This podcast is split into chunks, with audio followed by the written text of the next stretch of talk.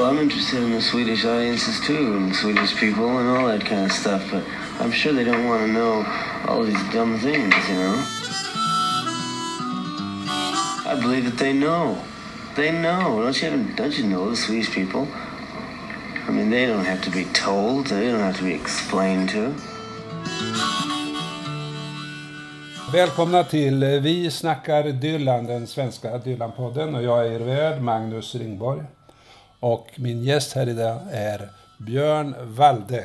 En legend i svensk Oj. nöjeshistoria. Oj, oj, oj, oj, oj. För det första är det ju väldigt länge sedan man var aktiv i, i nöjesbranschen. Alltså, Ja, tiden går. Ja, men det här är en comeback. Det här är en comeback. en comeback. Ja, och du, ehm, när du breakade, var det med eh, Mycket väsen för ingenting? Var det ditt stora genombrott? Det var nog mitt stora genombrott Ja. på, på Talias tiljor. Berätta lite om, vad var det där för någonting? Det var en pjäs som sattes upp av Ulf Gran som då var lärare på film och dramakursen i Lund. Litteraturhistoria hette på den tiden, en underavdelning. Och han hade ett litet teatersällskap helt enkelt som var egentligen en utbrytargrupp från Lunds studentteater. Det var ju splittringar hela tiden på den tiden. Vi talar 1968 gick jag med där, men mycket väl som var 1969 på sommaren. Och den här teatergruppen drevs, måste man säga, halvprofessionellt. För att vi turnerade och eh, spelade eh, föreställningar för betalande publik. Vilket innebar att vi fick pengar, vi fick lön från Ulf. Och Ulf var ju en högt begåvad teaterman som eh, eh, satte upp Shakespeare Molière-pjäser, oftast i moderniserad form. Och sen så var han ju expert på att hitta obskyra eh, drama, eh, teaterförfattare, dramatiker. Han var faktiskt en av de första, om inte den första, som satte upp I väntan på Godot här i Sverige. Med eh, Svante Grundberg i en av rollerna. Wow. Och den sattes upp som skolteater. Jag tror, han var lärare i, Ulf Gran var lärare i, i Lycksele. Därav kände han Svante Grundberg som var elev på samma skola. De satte upp I väntan på Godot. Jag för mig att den första officiella var i Uppsala. Ett år tidigare, ett år senare eller alldeles inpå vartannat. Det är rätt fantastiskt. Ja, vi spelade mycket väsen för ingenting, turnerade sommaren 1969. Och, och vilken roll gjorde du? Jag gjorde en handfull roller.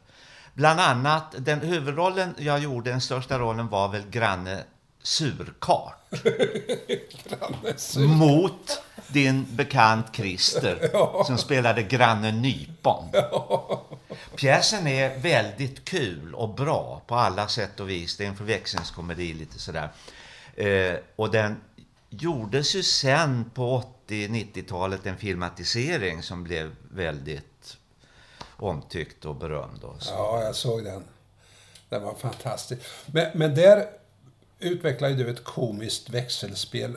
Hade du det med dig sen när du och Svante började göra Nattsömn? Ja, eller? det kan man nog säga att det har man ju, både han och jag har ju utnyttjat lite som vi har snott från amerikanska komikerpar, inte minst Oliver, Hard, Oliver Hardy och Stan Laurel, hela med halvan.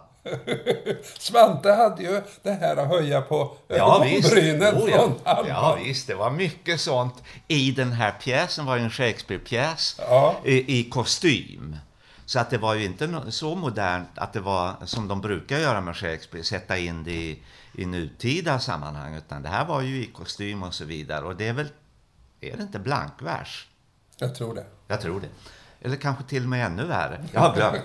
Men eh, eh, då hade vi musik på band. Av Ennio Morricone som eh, Wow. gick bort för några år sedan.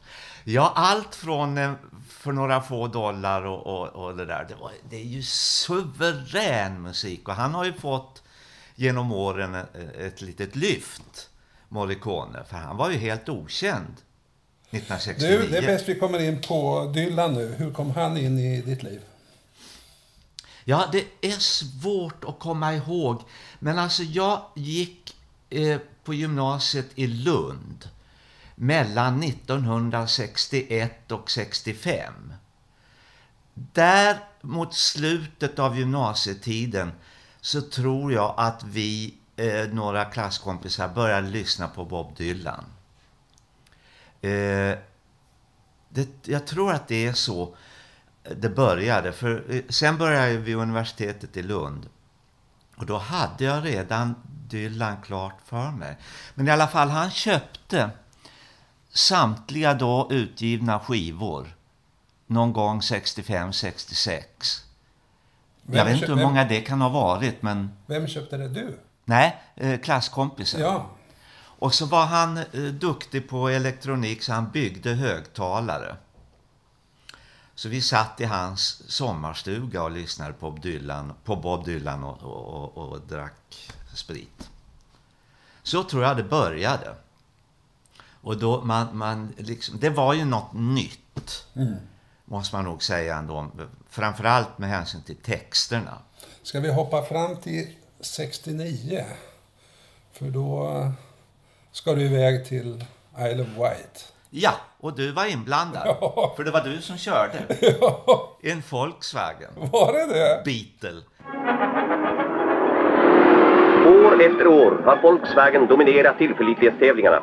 Det bevisar att Volkswagen står i särklass både vad körförmåga och säkerhet beträffar. Titta vilken speed, pappa! Jag har för mig att det var en bubbla. Ja, mycket möjligt. Jag tänkte det kanske var en vit Opel, men... Ah, Säger du det? Jag kan förväxla för Ulf Gran hade en, Ja, okej. en, en bubbla och den åkte vi kors och tvärs över Skåne och, och, och södra Sverige med. Ja, okej, men i alla fall. Den, den resan tog slut någonstans i höjd med Bremen. Ja, det var, Hamburg ja, kanske. det var något sånt där. Jag har glömt men, hur långt Men det det var ju så, 69. Han hade inte turnerat sedan motorcykelolyckan. Nej. Eller hur? Och så ska han göra comeback i Isle of Wight. Och jag läser ju om det där. Och skickar efter biljetter. Och slänger in en massa pengar någonstans. Och, och får ingen... Får, får- inget kvitto eller någonting. Jag får inga biljetter, ingenting. Så jag tänkte, de där kastar jag väl i sjön. Så redan där börjar ju min tveksamhet. Ja. Men man vill ju gärna se Bob. Ja, för att vi ska ju komma ihåg en sak här. Det fanns ju inget internet på den tiden, så hur du fick tag i biljetter, betalade, det är ju en gåta. Ja, jag, jag såg aldrig några biljetter. Och så sitter vi i bilen där och, vad ska man säga, missmodet börjar sänka sig över Ja. oss, eller hur? Ja, det har jag också ett minne av. Och jag undrar om jag personligen hade pengar Nej, överhuvudtaget. det tror jag inte. Jag kommer inte ihåg att jag packade någon väska eller något sånt där. Nej, det var lite dålig planering. Va? Det var urusel planering, tror jag. Jag vet inte, men... Vi men funderade på var ska man bo och så ser man framför sig ett, du vet som i Woodstock, ett sånt där enormt leråker. Va? Ja. Och det bara regnar. Ja, det var samma sommar som Ja. Woodstock. Ja. Och eh, eh, vi ska se här. Eh, det var samma sommar som vi turnerade med Mycket väsen för ingenting. Så vi, jag tror att vi hade slutat precis Ja. turnera dagen innan. Christer var ju med Ja, på resan och med i pjäsen. Ja. Och så, och, så, och så är vi där då, vet du. Ja, någonstans i Tyskland så Då, vi bara vänder. ja. Ja, okej. Och kom hem igen på eftermiddagen. Vi hade stuckit tidigt på, på morgonen och ett helvete att komma upp. Och sen plötsligt var man hemma igen. Okej. Men vi, eh, in, min, ur min synpunkt sett så har jag nu googlat mig fram till vilka som uppträdde där och Ja. så vidare. Och det, för min del var det ingen förlust. Till och med The Who, det var det enda bandet jag kände till i den långa listan. Ja. Eh, nej, ja, det... Eh, och sen har jag gått igenom vilka sånger han sjöng. Det var väl en 10-15 stycken. Inte heller några av mina favoriter. Men eh, enligt Wikipedia så satt ju The Beatles och, och en oerhörd massa eh, celebriteter i publiken. Beatlarna med fruar och Elton John som tydligen fanns redan då och så vidare. Och så vidare. På Youtube finns det här flera låtar från den konserten. Och till exempel I threw it all away.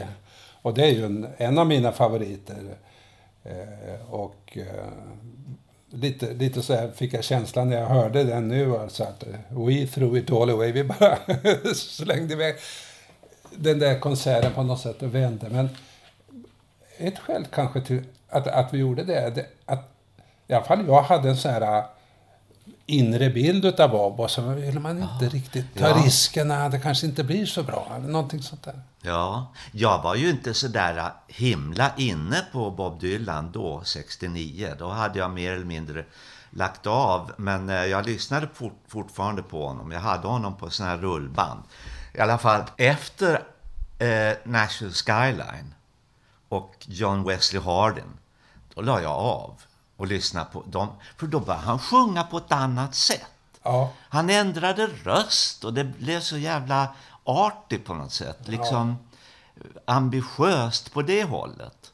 Texterna var nog så ambitiösa men men eh, nej, så att det, det och mycket av de låtarna kom, sjöng han på Isle of Wight har jag förstått.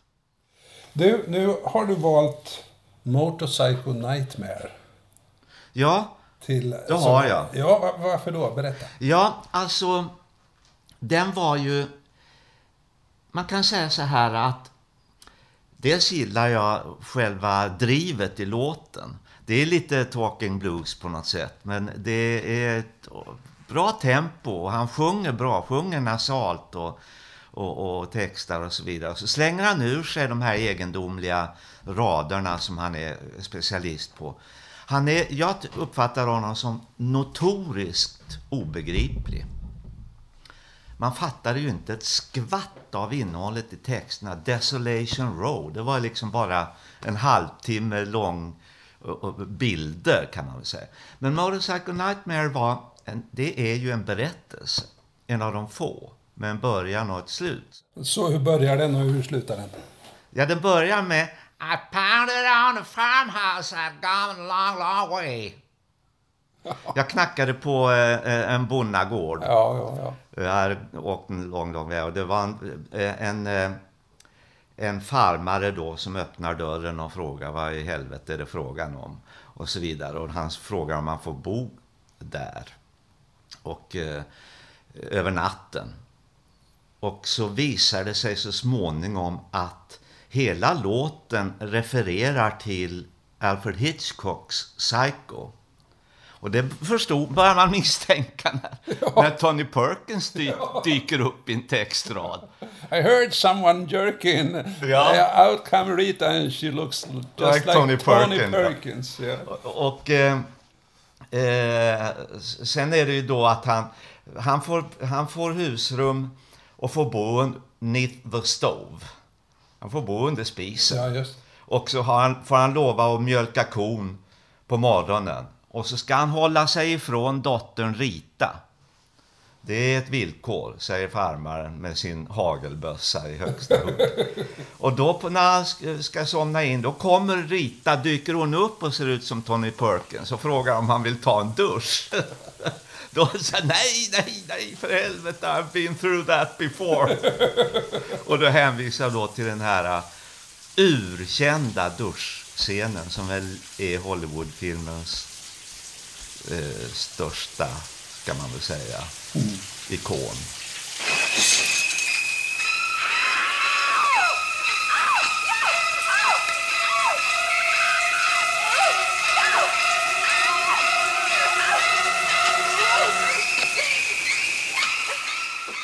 Såg du Psycho när den kom? Ja, jag såg Psycho när den kom. Jag har glömt när det var, men det var i början på 60-talet, slut 50-talet. Början på 60-talet säger vi. Och då var det ju eh, en jäkla hype kring den där.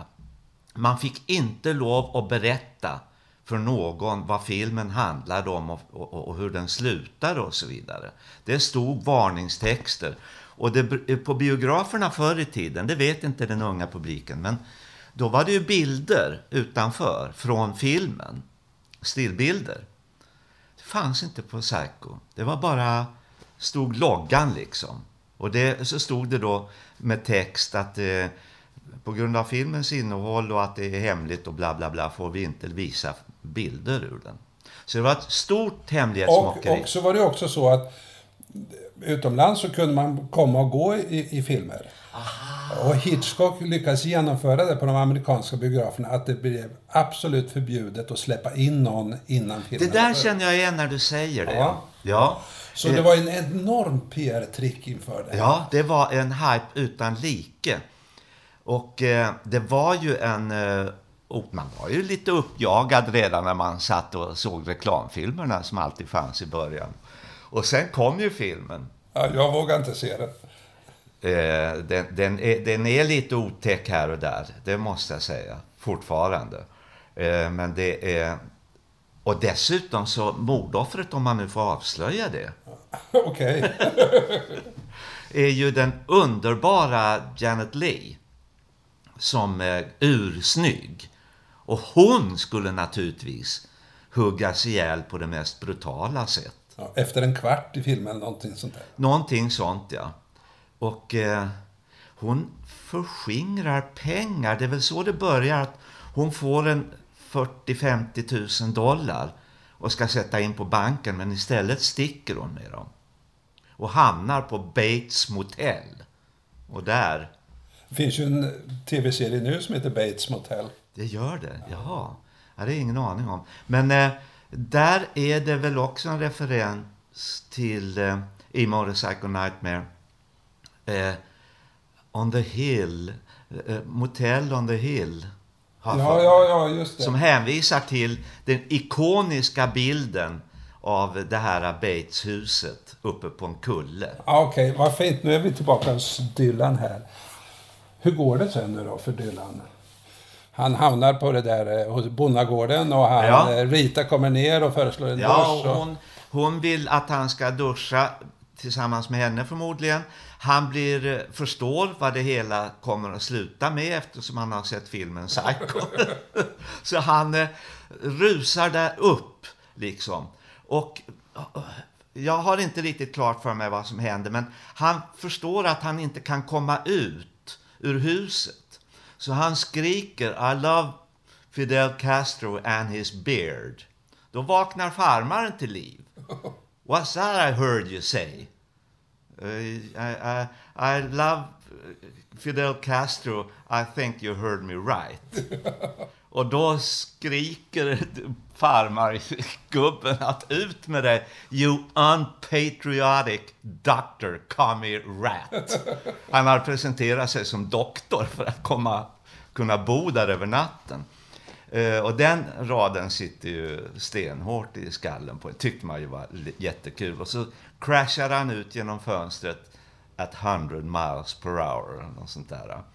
Och eh, det enda sättet att komma ut var tydligen att bli jagad ut av, av grannen. Ja. Dessutom hade han lovat att mjölka ko. ja, det verkar som det spelar en stor roll i låten. Ja, att, han, tror- att han ska mjölka den där kon. Han vill Ja. inte svika ett löfte, men om, Exakt. om han blir utjagad. Ja, precis, att då, då får bonden skylla sig själv. För jag tror han säger det någonstans.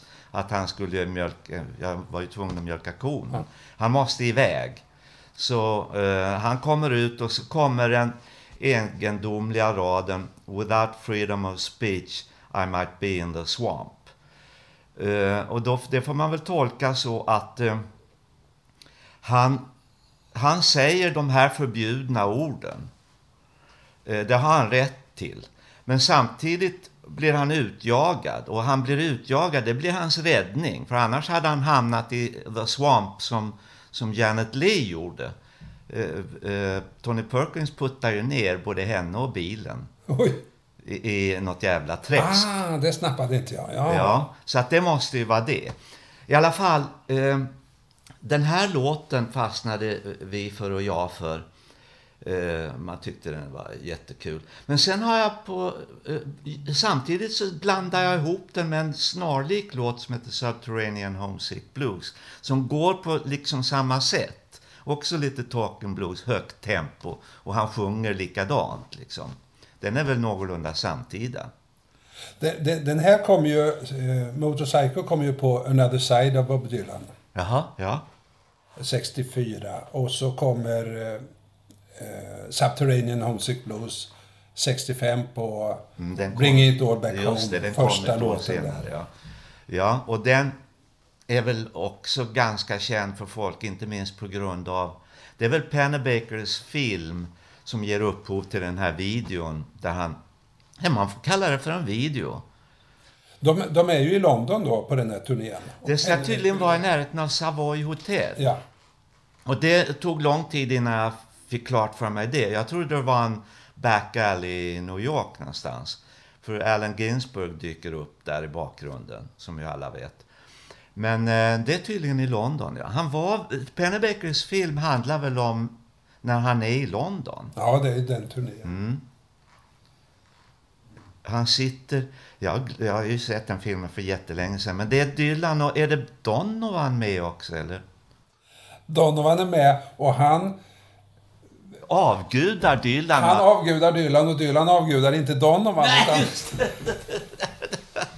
Han är ju oerhört servil den här Donovan. ja, ja, ja. Som hade väl en kort karriär då.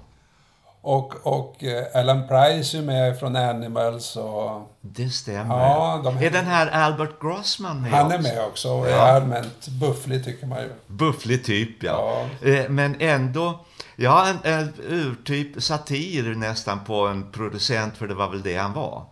Eh, nej, Grossman var manager. ju mm, Dylans manager. Just han var manager Ja. och skrivit någonting sedan om Dylan jag för mig. Skitsamma. Men han var långhårig, så här backslick och, och, och var typisk oljig typ. Hur de två gick samman, det fattar jag. Du vet, han gjorde ett kontrakt med Dylan om att han skulle få 50% på hans royaltyintäkter för all framtid. Och sen visste inte Dylan om att innan det så hade han gjort ett annat kontrakt med musikförläggaren att få 50% där. Så han skulle hova in 75% av allt Dylan gjorde för all framtid. Det är... Ja, Då det- är man oljig alltså. Det är en typisk sån, för att det är, ju- var ju det vanliga i branschen i början på, i slutet av 50-talet, början på 60-talet. Artister som slog igenom, de var ju uppbundna av någon smart manager som till och med fick in sitt namn som låtskrivare. Och sitter än i denna dag och tjänar pengar på till exempel eh, The Crickets, Peggy Sue och det här. Norman Petty heter den jävla typen. I alla fall. Eh, och Bo Diddley var ju med om samma sak. Björn, du gjorde ju den här serien med Svante Grundberg med Nattsudd som, Ja. som verkligen sitter hos folk. Alltså när man, om man nämner det till någon, alla vet vad det är. Ja, det är många. Det slog faktiskt igenom på ett sätt som eh, eh, tv-ledningen inte riktigt hade räknat med, men det gjorde det. Hur, hur gick det där till? Vad, hur, hur började det hela? Det hela började med att Svante hade ju mycket goda kontakter på SVT 1, som det heter. Ja, det gör det fortfarande. Och eh, han hade gjort något eller några program, eh, ett antal program och eh, eh, bland annat ett där han satt, det hette Gluggen, där han satt och, och snackade skivor och recenserade lite grann och, och drev med nutida popmusik. Och det eh, eh utvecklade sig till, jag minns Svante sa att det, det, vi, man måste vara två. Man måste ha en dialog. Det går inte att sitta och hålla monolog. Det, det blir för eh, tråkigt helt enkelt. Det blir inget liv i det. Och det har han ju rätt i. Så att eh, då utvecklades Nattsudd ur vår eh, tid i Lund. Vi pluggade i Okej. Lund bägge två, tro det eller ej. Och då satt vi, vi var ledamöter av Lunds studenters filmstudio. Mm. Och eh, då eh, satt vi på nätterna och såg de filmer som sedan skulle visas för studenterna. Det, var, det allra mesta var 16 mm så att det kunde man ju visa då med projektor. 35 är någonting helt annat. Så att eh, i biblioteket på, du vet där, bakom Kulturen i Lund. Och då var det ju mycket groggande och, och babblande och, och stanna filmen och titta till och köra tillbaka. Och det är inte så lätt med en 16 mm projektor. Något annat fanns inte. Det fanns ju inte video. kom senare. Ja, så, så att då, då sitter ni, och det här är 1980-tal eller när är det Eh, börjar? det är mitten av 80-talet. Jag tror Ja, första programmet och så, och så sitter ni, ja, vi, vi kör tugget ifrån Lund på filmstudion i Öster. Ja, och då hade, fick vi göra en eh, eh, pilotavsnitt först, har jag för mig. Så att cheferna fick klart för sig vad det var för någonting. Och de hade ju de hade erbjudit oss Studio 1 som var den stora fina studion på SVT. Nej, sa vi, vi ska sitta i min lägenhet på Kungsholmen. Jaha, så vad nu då? Liksom. Och vi får ju inte in några kameror där liksom. De tänkte väl de här stora, du vet, som man rullar runt. Ja, det får bli ett, ett mobilt team, sånt som de spelade in inslag, Aktuellt och Rapport med 16 mm kameror. Så att de kom ju dit och, och gjorde det här pilotavsnittet och ingen fattade ju vad det var frågan om. Liksom det, cheferna bara skakade på huvudet men tyckte det såg kul ut. Sen gjorde vi då ett riktigt program så att säga och då gick det upp ett ljus och det var många som tyckte, av cheferna då, tyckte det här var ju kul så att eh, kör igång bara. Väldigt generös. Var hittar ni filmerna? Ja, de finns de runt om i världen. Fanns och finns och många ligger på Youtube. Problemet är med de här, det var ju alltså 16 mm filmer. Det är frågan om, för det var ju gamla saker vi visade. Inget samtida som, eh, utan det var celluloidfilm. Eh, det sitter samlare, satt i alla fall på den tiden, runt om i världen. Bland annat en i London. Han hade det fysiska materialet, men han hade inte rättigheterna. Så alltså att vi fick ju smuggla ut ur England då, eh, kopior. Och han, den här killen vars namn jag inte kommer att nämna, han sa att om ni åker fast i tullen så säger jag att you got it from a man in a pub. Sen var det ju, fick ju SVT sköta om rättigheterna för det gick inte att visa på statlig television naturligtvis, utan rättigheter. Och det löste sig med, och det var dyrt. Det är därför det inte går att visa dem på SVT. För eh, du vet, det är ju MGM och Warners och allt möjligt som har rättigheterna, stora bolag. Ted Turner, snåljåpen. Oj. Ja, i alla fall. Så att programmet, strukturen är ju att vi sitter och pratar, alltid två i bild. Och så ett klipp som har att göra med eller inte har att göra med det vi snackar om. Så att när vi gjorde själva pratorna då, som vi kallar det för, det är tv-språk. Så killarna från SVT fattar ju ingenting. Det var liksom inga punchlines. Det var ingenting. Det var bara snack för dem som var totalt innehållslöst. Men jag tror att ni var föregångare till Lars Norén. Därför att när man ser ni tittar åt olika håll och ni pratar inte med varann utan det, det är parallella monologer. Va? Ja. Som är väldigt Ja. typiskt det som Lars Norén gör senare. Ja, eller det, exakt. Det har de snott. Ja. För att det går till så, det är väl egentligen eh, begåvade filmregissörer i Hollywood har kört med det här. Att man, när man pratar normalt i, i, i vardagslag, i, i IRL som det heter. Man tittar inte på varandra hela tiden, som man gör på teater och, och, och, och film i allmänhet. Stirrar varandra stint in i ögonen. Man tittar ju bort, tänker, funderar, eh, etc. etc. På film vänder de ju ibland ryggen mot kameran. För att lösa upp där vänder de ju ryggen mot kameran, men då är det en spegel där istället. Och så är det scenerier hit och dit. Men vi satt ju två i bild hela tiden och tittade sällan på varandra och vä- väntade aldrig in den andras replik. För det här var ju skrivna manus som vi med möda lärde oss utan till. Ge mig ett järn. Var är vi någonstans? Det är slut du. Är det inte Norge snart? Du, vet du varför norrmän har eh, pyjamas på sig när de kör motorcykel? Cordell Jackson tar det här lätt, ser du. Det är för att de ligger i kurvorna. Nu kommer Jokkmokk här. Man väntade aldrig in en replik utan man brö- avbröt och, och som sagt var parallella. Tankarna gick hit och dit och, och, och snacket följde, ringlade som en orm. Och det har sedan kopierats av eh, väldigt många, inte minst Lars Norén. För att... Eh, och det problemet är när man sitter två i bild, då är man... Ena lyssnar och den andra pratar så att säga. När man, man kan ju klippa in en och en och, och lyssnarbilder och bla bla bla. Det hade inte vi för, för den dokumentära känslans skull. Så att, Det eh, kan ju vara, det kan vara mycket av det att det var något nytt. Därför att eh, de, dels era prater då, sättet att göra det.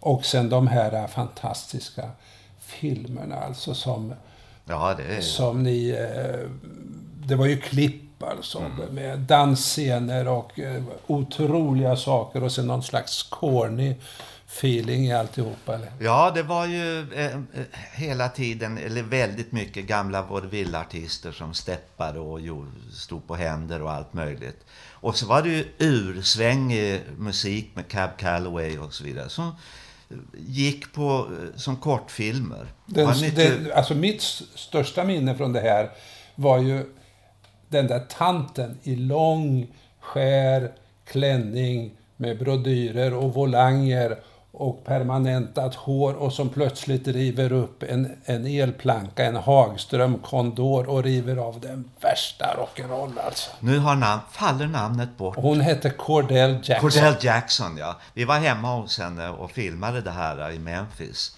Berätta. Och, ja, hon, vi hyrde in ett filmteam eh, lokalt och åkte hem till henne. Då hade vi kontaktat henne tidigare och eh, bett om lov.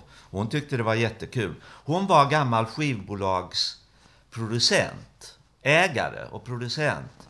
Moon Records i Memphis, till skillnad från Sun Records i Memphis. Eh, och vi satt i före detta studion, studion i hennes villa.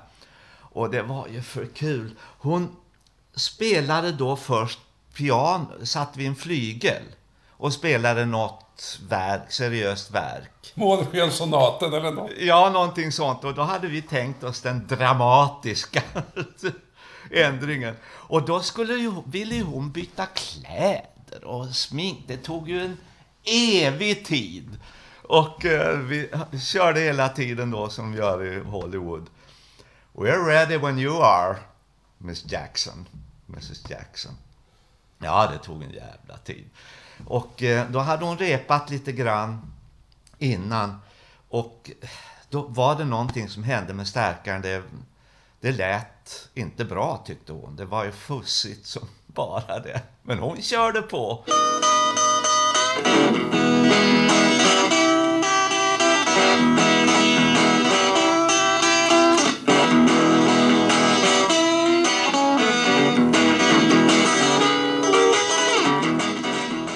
Eh, hon var en stor figur på 50-60-talet. Med eh, egen show tror jag till och med lokalt på tv och radio. Men ni hade inte Dylan med i Nattsudd eller? Han var aldrig med i bild. Men jag personligen, plus min illa medfarna gitarr, framförde en Bob Dylan-låt. Jag har glömt vilken. Blown in the wind kan det ha varit. Någon, någon av dem lite enklare. För att jag kan bara ett, kanske två. På sin höjd tre ackord. När man ser den där gitarren i närbild så är det ju, den är inte hel direkt utan den är lite trasig. Den är trasig. Ja. Och, och jag berättade ju i, i bild hur jag hade trampat på den. Men Svante tvingade mig att sjunga en låt i varje program. Så jag gick ju, slaktade mig igenom både Beatles och Dylan och, och Stones och har glömt allt. Och sen gjorde ni en som hette Fara till Sahara. Sen, ja, ja, så skulle vi ju naturligtvis, det var inte vår idé, det var en annan namnlös, han får vara namnlös, kille som ville ha oss på skiva. Och eh, Svante skrev texterna och eh, producenten musiken. Ja, spelade vi in det på den klassiska E- EMI-studion Gullmarsplan. Samtidigt med eh, What's her name i Roxette, Marie Fredriksson. Jag tror jag håller på folks spader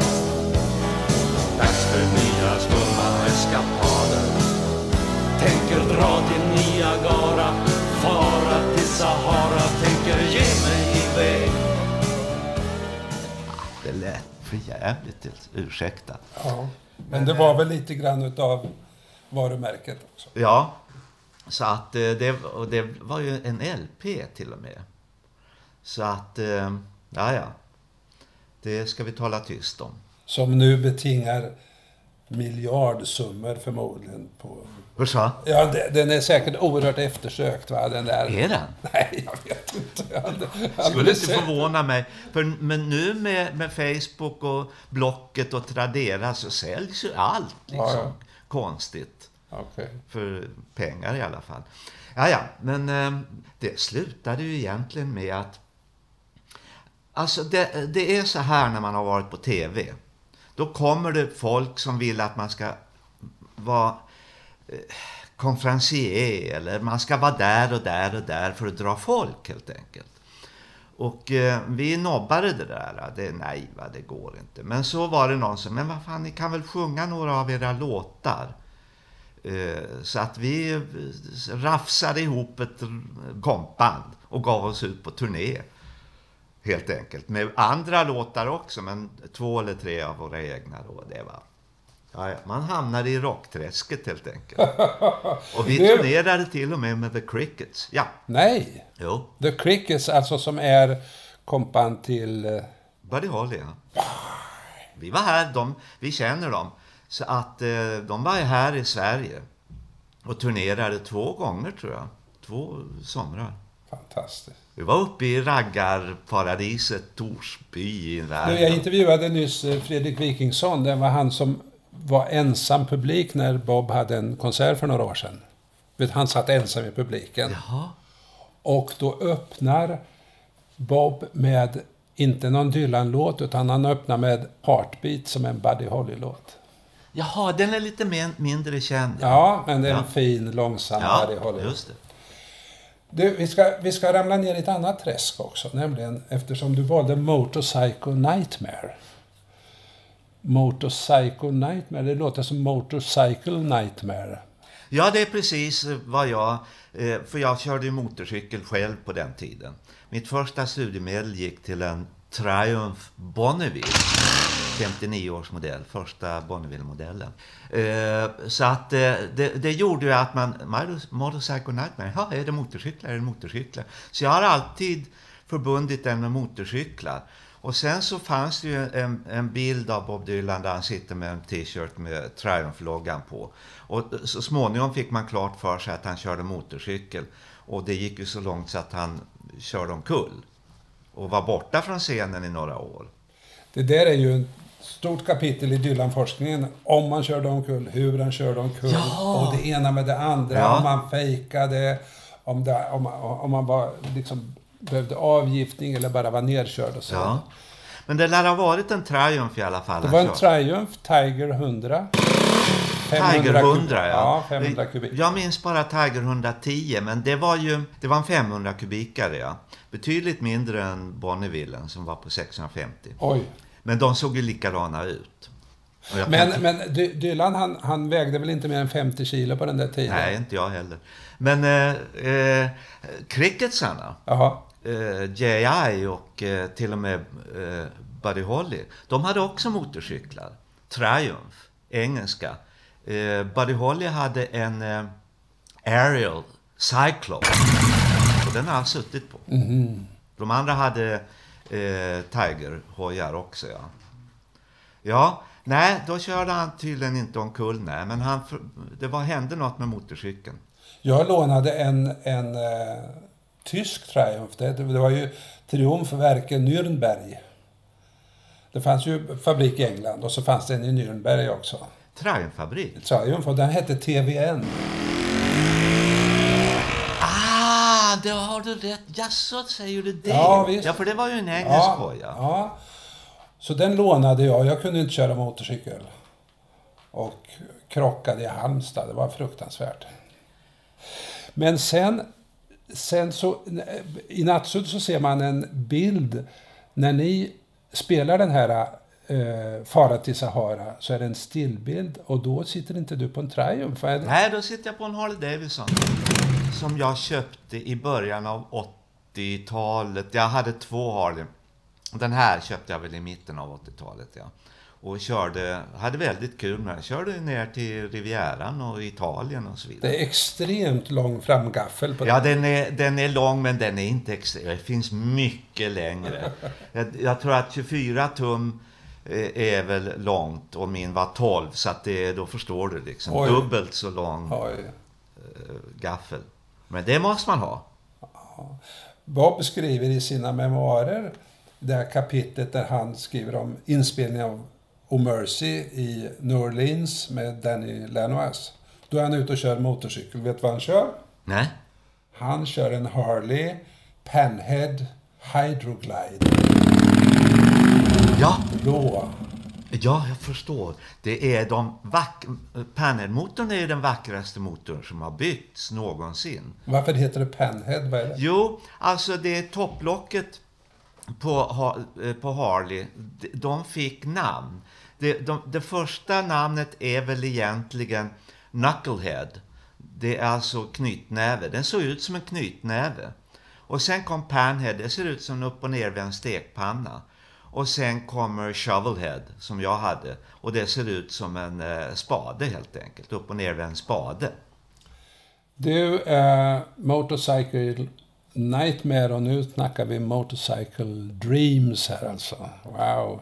Fantastiskt att ha det här, eh, Björn. Jätteroligt att få ta del Ja, av dina Dylan-erfarenheter. Också lite annat ju. Lite sudd har vi hört på. Ja, exakt. Ja, eh, visst. Ja, vi, vi, du var ju med på när det hela började, höll jag på att säga. Och så har vi ändå inte berört en annan grej, dina erfarenheter som Sturka och mycket, mycket annat i svensk filmvärld. Men det får du eh, lyssna Det får vi göra ett särskilt program om, för det är ju hur mycket som helst. Det är bra. Nej, det är det inte. Tack ska du ha. Tack.